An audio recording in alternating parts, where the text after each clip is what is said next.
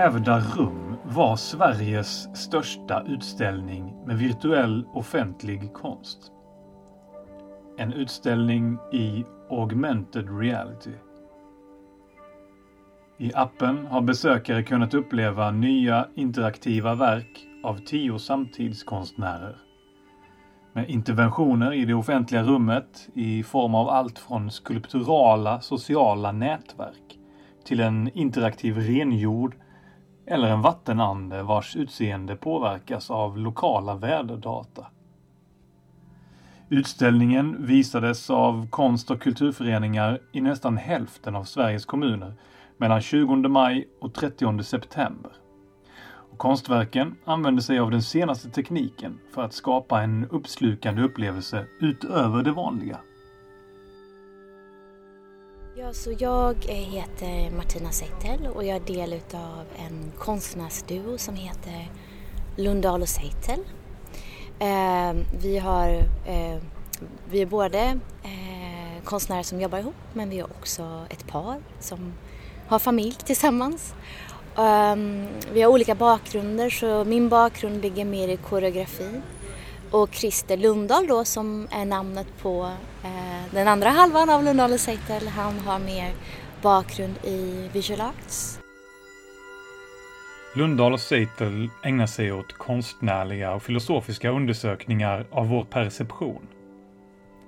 Av gränser och samband mellan det som är levande och objekt, platser och miljöer. Anton Ingvarsson träffar Martina Seitel från konstnärsduon Lundahl och Seitel som har bidragit med verket Ögonsvävare vid Pseudomonas fontän. vi kan ju börja med, med namnet Pseudomonas. Eh, Syringer, eh, fast Syringer är inte med i titeln, det är faktiskt namnet på en mikrob eh, som vi blev inspirerade av.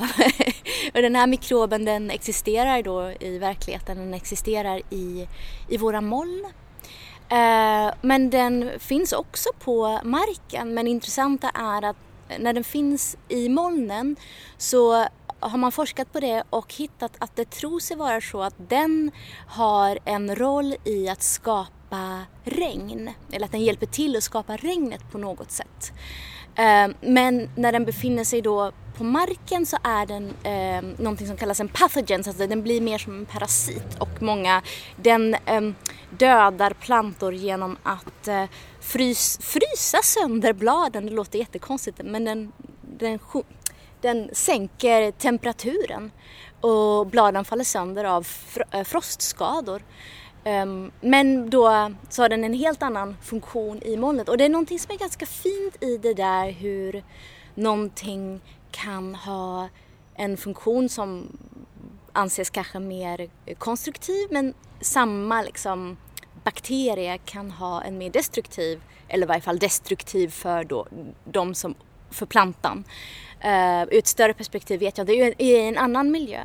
Och så är det väl kanske lite vårt förhållningssätt till teknologin också är att uh, det beror helt på i vilken miljö den finns. Uh, som, där samma sak, kan, någonting som kanske är positivt kan bli väldigt destruktivt. både kanske om man ändrar kontext men också när någonting får passera genom tiden, vilket allting såklart gör.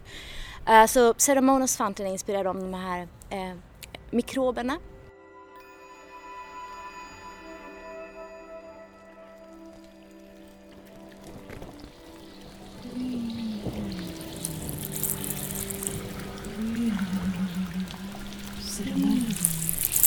We are Pseudomonas.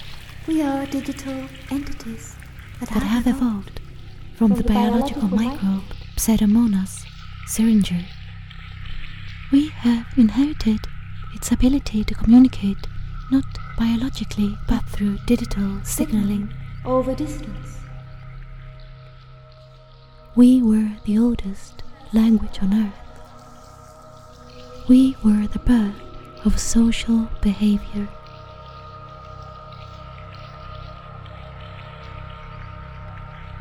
Listen for the signal we're about to send you.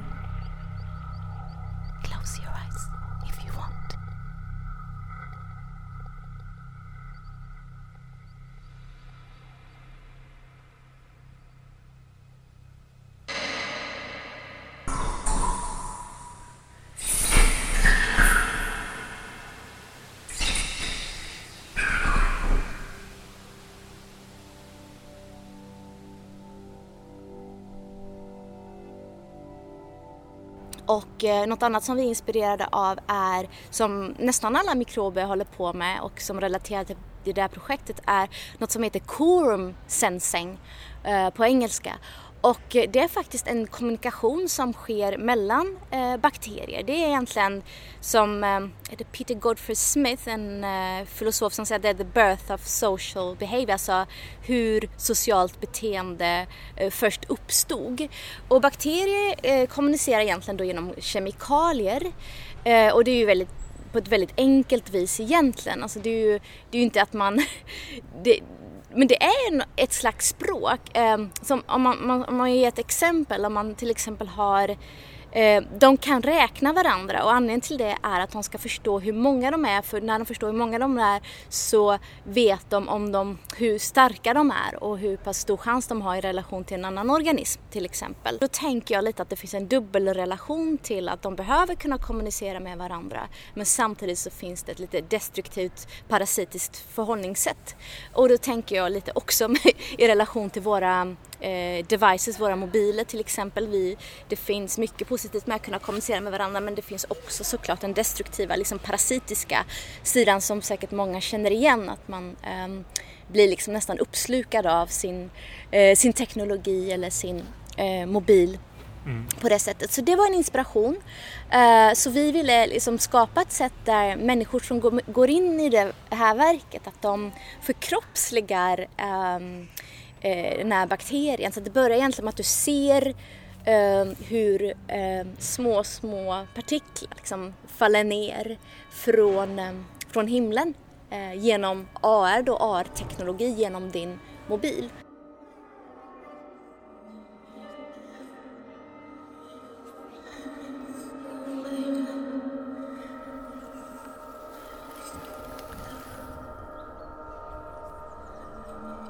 Can you hear that you transmit a different signal as you move up and down, forward and backwards, or at different Listen speeds? as you twist and turn your hand. Make it louder by making your movements bigger so that we can hear you. Speak to us in Ceremonas. It, it will bring us closer to you.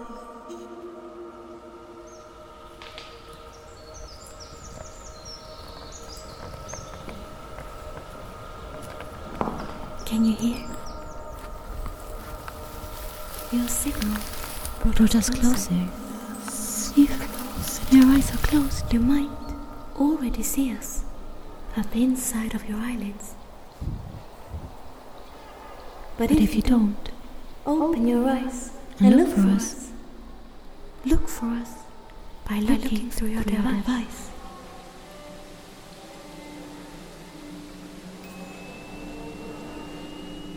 AR-teknologi. Vad är det egentligen? Och hur funkar det i en konstnärlig process? Vi kollar med Jakob Skote från Untold Garden som har varit med och format idén till vävda rum. Jag heter Jakob Skote och eh, är från design och konststudion Untold Garden som jobbar med eh, vad ska man säga, virtuell och digital konst och eh, olika projekt i den världen. Liksom. Ofta mobilbaserad AR, men inte enbart det. Vi jobbar även lite med VR och olika installationer och sådana saker. Vi grundades av mig och min polare Max Källar um, 2019 då. Vi började göra några projekt ihop. Vi pluggade tillsammans inom det. Uh, arkitektur, men kände båda två att arkitekturvärlden med dess otroligt strikta inställning till vad man kan göra och sin ganska förlegade syn på vad det offentliga rummet är ehm, var inte riktigt för oss. Så efter vi hade pluggat så började vi göra olika projekt i den här mer vad ska man säga, virtuella världen tillsammans. Och så grundade vi Antal Garden då 2019. Och Michael Brewster, en arkitekt med exakt samma inställning till arkitektur som vi har, joinade oss förra året. Han hittade oss och sa eh, Tjena killar, jag har sett vad ni har gjort. Det här är vad jag har gjort. Vad tror ni? Och vi kollade på hans portfolio och det såg i princip exakt ut som våra portfolios från skolan. Vi bara, välkommen här.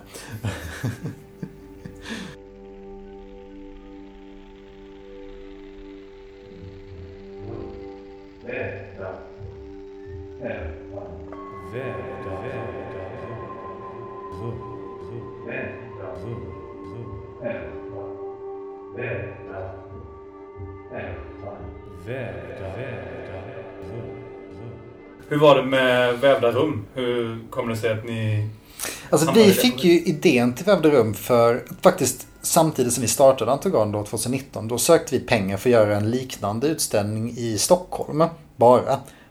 Um, då skulle det vara tio olika platser um, med tio olika konstnärer.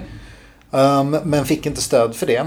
Um, och insåg också ganska snabbt att tekniken inte riktigt är än. Men vi hade den här idén och vi bubblade lite med den ganska länge. Och eh, en, vi hade med en vän då, konstnären och eh, kuratorn Sebastian Dahlqvist på den idén och på den ansökan. Och han jobbade sen i sin tur med Sveriges konstföreningar på något sätt och insåg att vänta nu, det här är ju klockrent. Så han förde samman oss och eh, såg till att vi hade några möten tillsammans. Och Sveriges konstföreningar nappade på den idén och tyckte att det här är perfekt. Och då sa de om två år så har vi vårt 50-årsjubileum. Vi kör då. Så blir det här vårt sätt att fira vårt 50-årsjubileum. Och så sa ju de att så här, då ska vi inte bara köra hela Stockholm, det här ska vara hela Sverige.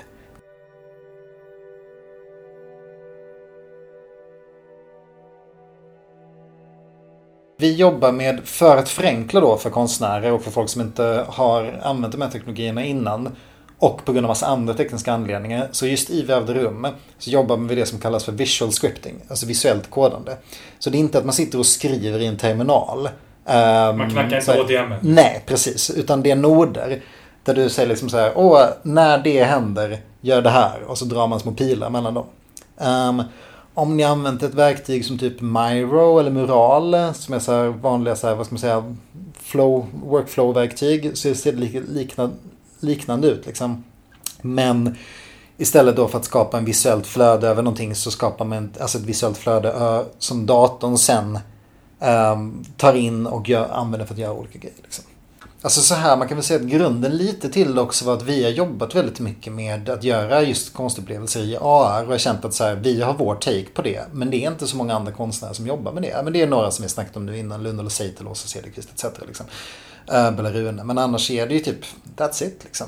Och då så kände vi att vi vill väldigt gärna se vad gör andra konstnärer med de här verktygen som vi har utvecklat. För det är svårt att jobba med den här tekniken. Det tar tid och det tar erfarenhet. Men vi har liksom lagt den tiden. Och det som är så härligt med att jobba med kod till skillnad från tavlor är att du kan återanvända allt du gjort. Du bara, så här, du bara kopierar in det i ett nytt projekt. Du behöver inte börja från scratch varenda gång. Liksom. Så om vi då tänker att vi har alla de här verktygen som vi har tagit fram under flera år vad händer om vi tar de verktygen och ger dem till en konstnär som kanske jobbar mer traditionellt? Som kanske inte alls jobbar med digitala teknologier. Liksom. Så det var väl lite en av ingångarna till Webblerum. rum. Liksom att vi ville se hur de här tio konstnärerna då, hur de jobbar med de här grejerna. Och de hade ju, som vi sett i utställningen, extremt olika ingångar och olika takes på att jobba med de här teknologierna. Vilket varit superkul att se. Och i det har ju vi också inte haft någon aning om vad det de faktiskt kommer att åstadkomma. Liksom. Um, så på det sättet har det varit väldigt öppet. Liksom. Och sen så i vissa av verken har konstnärerna sagt att så här, eh, nej men ni får bygga det från allting. Alltså så här, de har sagt att så här, det är så här jag vill ha det och så har vi byggt det och så har vi skickat det och så har de tittat på det och sagt nej ändra det och det. Och så. Den processen i sig kan vara ganska knölig. Men då tänker när oljemåleri-analogin, om jag då tar in en klassisk oljemålare. Ja, men du ska måla en, uh, det ska vara berg och hav och några tallar. Ja, men tallarna ska vara lite mer till vänster. Kan flytta upp den där lite där? Det har varit väldigt mycket så i processen. Mm. Med de konstnärerna som då vi har haft den typen av upplägg med. Men sen några av konstnärerna som inte jobbat tekniskt innan. Bland annat Oskar Häggström. Han bara gick in för att säga, men fan det här är ju fett, jag ska lära mig den här tekniken. Och han satte sig och lärde sig verktyget. Liksom, så han byggde hela sitt verk helt själv. Um, men med vår hjälp då, liksom, när det, saker inte funkar. Liksom.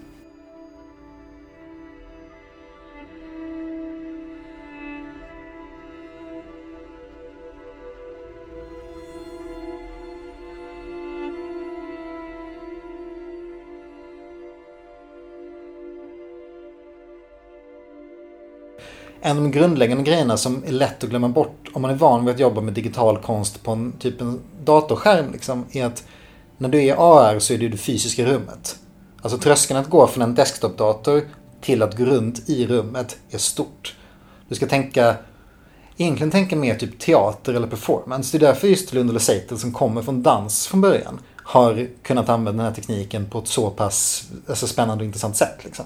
Du kommer in i en slags, vad ska man säga, en annan värld genom det här verket. Där plötsligt färgerna och allting du, du ser förändras. Och där ser du plötsligt en slags, ska man säga, representation av någonting, en slags ande, någonting som pulserar framför dig.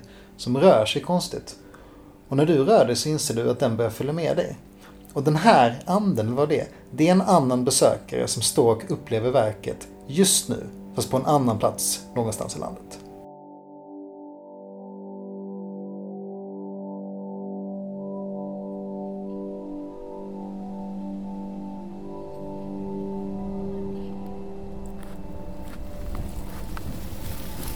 But our presence is faint, and our bodies are small.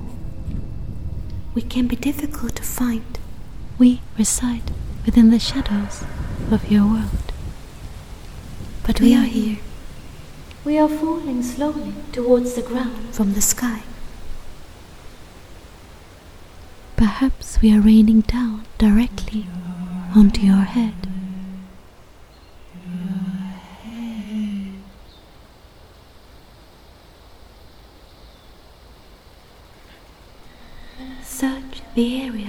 And you will find us.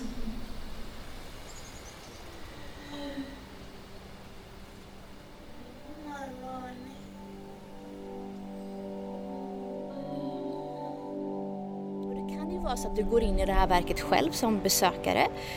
Men så kan det också vara att någon på väldigt långt avstånd också går in i verket. Och då märker du det. För du kan kommunicera med dem med ljus och med rörelse. Så de ter sig bara som en slags abstrakt kluster i, ehm, i rummet, i det offentliga rummet som börjar sväva omkring. Och när du går nära det så kan du faktiskt liksom sticka in huvudet där så hör du att det är någon slags hjärtslag. Liksom. Det är en annan närvaro där och ni kan kommunicera men bara abstrakt genom rörelser och ljud. Det finns inget, som inget mänskligt eh, språk eh, i det hela. Hur kan man då vara med varandra på det virtuella sättet? Och nu är det viktigt att tänka att AR är ju någonting som eh, det är ju inte bara någonting som sker på en skärm utan du rör ju dig i rummet. Det blir ju nästan ganska koreografiskt på så sätt. Det är kul i det här projektet att vi använder teknik som är yngre än ett år. Mm. För att göra ett projekt där em, den huvudsakliga målgruppen är medlemmarna i de här konstföreningarna. Som inte i alla fall, men i många fall är personer som är äldre som kanske inte har jättemycket teknisk erfarenhet. Och det tycker jag är något som är väldigt, väldigt roligt. Att försöka liksom så här, okej nu ska vi använda det absolut cutting edge med den här tekniken. Men gör det så användarvänligt som möjligt så att personer som aldrig använt det förut ska kunna använda det. Jag vet inte riktigt om vi har lyckats där. Det får ju publiken själv avgöra. Liksom. Det finns ju såklart alltid rum för förbättringar. Liksom. Men det var en kul utmaning i alla fall. Någonstans där är det väl som att oftast så ser vi just det verket att det är väl egentligen besökaren som, som är the final, eh, slutgiltiga eh, ägaren av det. Det skulle inte existera helt enkelt utan besökaren. Det är liksom kemin där mellan verket och, och ljudet och förkroppsligandet som någonting uppstår. Som är besökaren som vi oftast inte har någon aning om vad det var också. Och inte kanske borde veta. Upplevelsen av konstverket Pseudomonas fontän väcker hos mig frågor kring värdskap. Hur det är att vara människa i förhållande till naturen runt omkring oss, till andra människor och varelser, men också i förhållande till ny teknik. Var går gränsen mellan parasiterande och Symbios. Ja, jag tycker den, den, den frågan är väldigt fin faktiskt för att jag tror inte att det är så fixerat som man kanske tänker att det är. Ehm, Jag tror heller inte liksom att allting i naturen handlar om ehm, competition, alltså tävling. Eh, Jag tror inte att det är bara de relationerna. Så jag tror att vi är mycket mer eh, entangled, sammanflätade. Så jag tror att det är mycket mer eh, komplext och dansant än sådär. Men om man har en encellig varelse så tror man att de, en, när vi blev då flercelliga så var det då att en encellig varelse åt upp en annan encellig varelse som var, som var in competition eller survival mode. Eh, och den eh, encelliga varelsen som då blev uppäten dog inte. Så då, började, då bildade ju ett slags märkligt samarbete som då uppstod. Ni har vetenskaplig ingångspunkt till det. Just det. Så vi, vi, vi, en, ja. en dörröppnare till andra aspekter. Precis, exakt så. Så vetenskapen är eh, ingenting vi eh, fullföljer. Vi, vi, har inga vad heter det, obligations. Eh, vi har inga, hur säger man obligations? Hur skulle man säga? Eh, förpliktelser. förpliktelser att faktiskt vara vetenskapliga i hela processen igenom, om det börjar vetenskapligt. Är det, är det, är, har ni en målsättning att vara, ha en vetenskaplig ingångspunkt till det? Eller Inte ens det. Eller det bli så i just detta projektet? Eh, jag tror att det är... Eller är det bara en liten del av, är det bara en aspekt av det är nog bara våra, att vi är så pass intresserade av vetenskap. Det är det. Vi är ja. väldigt passionerade och intresserade för det. Och sen så är ju den kanalen då som vi, eller hur verken manifesterar sig är ju då genom konsten. Eh, och där behöver du inte vara vetenskaplig rakt igenom. Men du kan vara det också. Och det kanske kommer bli någon gång med, jag vet inte. Men just i det här projektet så började vetenskapligt. Sen finns det andra projekt som börjar nästan um, otroligt intuitivt och man skulle nästan kunna säga flummigt men som kanske då kommer sluta i någon slags vetenskap. Så att, ja, nej, det finns nog inget så mönster som alltid upprepas på det sättet. Lundahl och Seitel har haft utställningar över nästan hela världen. De har genomfört soloprojekt och grupputställningar, deltagit vid residens och biennaler. De har bland annat haft en stor separatutställning på Centre Pompidou i Metz, Frankrike. Och i Sverige har de gjort specialverk för bland annat Nationalmuseum och Accelerator. I deras gemensamma konstnärskap vävs deras båda bakgrunder samman för att skapa verk som kombinerar berättelser, instruktioner, koreografi och tredimensionellt ljud där betraktaren själv kliver in i verken för att uppleva och bli medskapare. Det finns ett annat verk som vi kommer att göra nu eh, som jag känner mig väldigt passionerad för och den heter eh, River Biographies. Eh, och då är det ett verk som, eh, där vi tittar på eh, relationen mellan vatten och sten som är ganska liksom, abstrakta. Liksom. Om man tänker på vatten och sten, det är inget politiskt med hur Eh, hur vatten möter sten och hur stenen formas så att vattnet åker runt det eller hur också vattnet upplöser stenen. Det är väldigt abstrakta begrepp. Men det vi kommer göra är att vi kommer eh, till exempel i Istanbul eh, så kommer vi studera The Bosporus som då inte är en flod men det, är, det heter straight eh, på engelska. Um, och vi kommer även jobba på South Bank Center i London och kolla på River Thames. Eh, då vi gör ljudinspelningar och kollar på nära relationer. Men vi, kollar, vi, vi, vi kommer liksom träffa fiskare och människor som håller på med kajak och liksom försöka förstå liksom ett vattendrag, hur det rör sig. Och människor som förstår ett vattendrag, inte bara scientifically men också intuitivt. Jag menar det finns ju fiskarna i Istanbul är oerhört kunniga av för att det är en väldigt speciell plats för du, du har ju olika två hav som möter varandra. Så det skapar eh, väldigt märkliga vågor som heter interference waves. Och då förstår man också hur djuren liksom färdas med de här strömmarna. Men det vi också kommer göra är att vi vill um, Eh, vi kommer att transkribera delar av det här verket till röster och då kommer vi jobba med lokala körer. Och de här körerna kommer förkroppsliga liksom sten och vatten. Men då är det också viktigt, där, och då är det ett samarbete med platsen, att vill, vem är det vi frågar att förkroppsliga floden som ofta är en central del. Liksom. Och är det olika grupper från samhället som eh, sjunger tillsammans eller hur, hur, vem är det som gör det? Men om man tittar till exempel på, eh, alltså min dröm är att göra, eh, jobbar med Amazon Amazonfloden. Men till exempel indigenous tribes, eh, eh, hur säger man, urbefolkningar eh, har ju ofta sina egna namn på floder som inte kanske relaterar till kungar eller eh, till helgon utan det, det, beskriver mer vattendraget, hur, hur det rör sig. Eh, och, så vi kanske tillfrågar, alltså det är väldigt viktigt vilka vi frågar och eh, för att slinka in en annan referens där och en inspiration för det här projektet är eh, det finns en kvinnlig biolog och författare och botanist som heter Robin Wall Kimmerer som har skrivit en bok som heter Braiding Sweetgrass och hon är eh, native american. Eh, och hon kan ett språk som heter potavatami. Uh, eh, och det här är väldigt viktigt för att i potavatami så finns det mer verb än substantiv vilket betyder när du beskriver en flod eller du beskriver en blomma så, så är det med att du säger du inte blomman eller floden, du säger to be a flower, att vara floden. Alltså, du, du blir floden, du blir blomman. Eh, och det skapar ju liksom lingvistiskt ett helt annat förhållningssätt till eh, naturen. Jag tycker att vi behöver, jag tycker, att vi, jag tycker helt enkelt att vi saknar det förhållningssättet. Och där ligger väl egentligen då kärnan i att när vi gör det här verket, River Biography, så vill vi att publiken förkroppsligar sten och vatten. Eh, att man liksom löser upp de här gränserna och får liksom chansen att bli någonting annat på det sättet.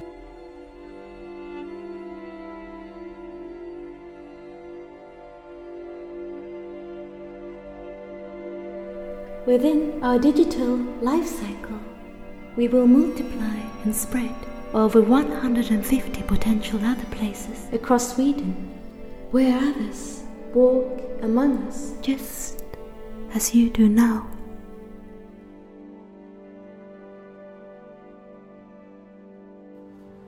När man eh, just kommunicerar om konst och vad man liksom väljer att prata om jag tänker som konstnär så kanske då i mitt, eller i vårt fall så är det som att det finns många olika lager, mm. nästan psykologiska lager av varför vi skapar, vad det är vi gör, vad vi faktiskt säger om vad vi gör och hur mm. vi den teoretiserar om mm. vad vi gör men också vad vi lämnar ut.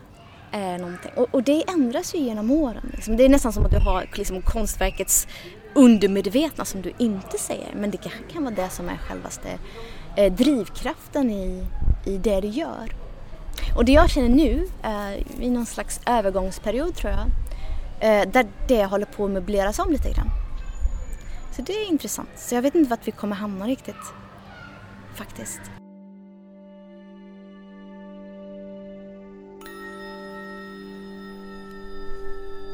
Without your interference, we will remain in digital hibernation.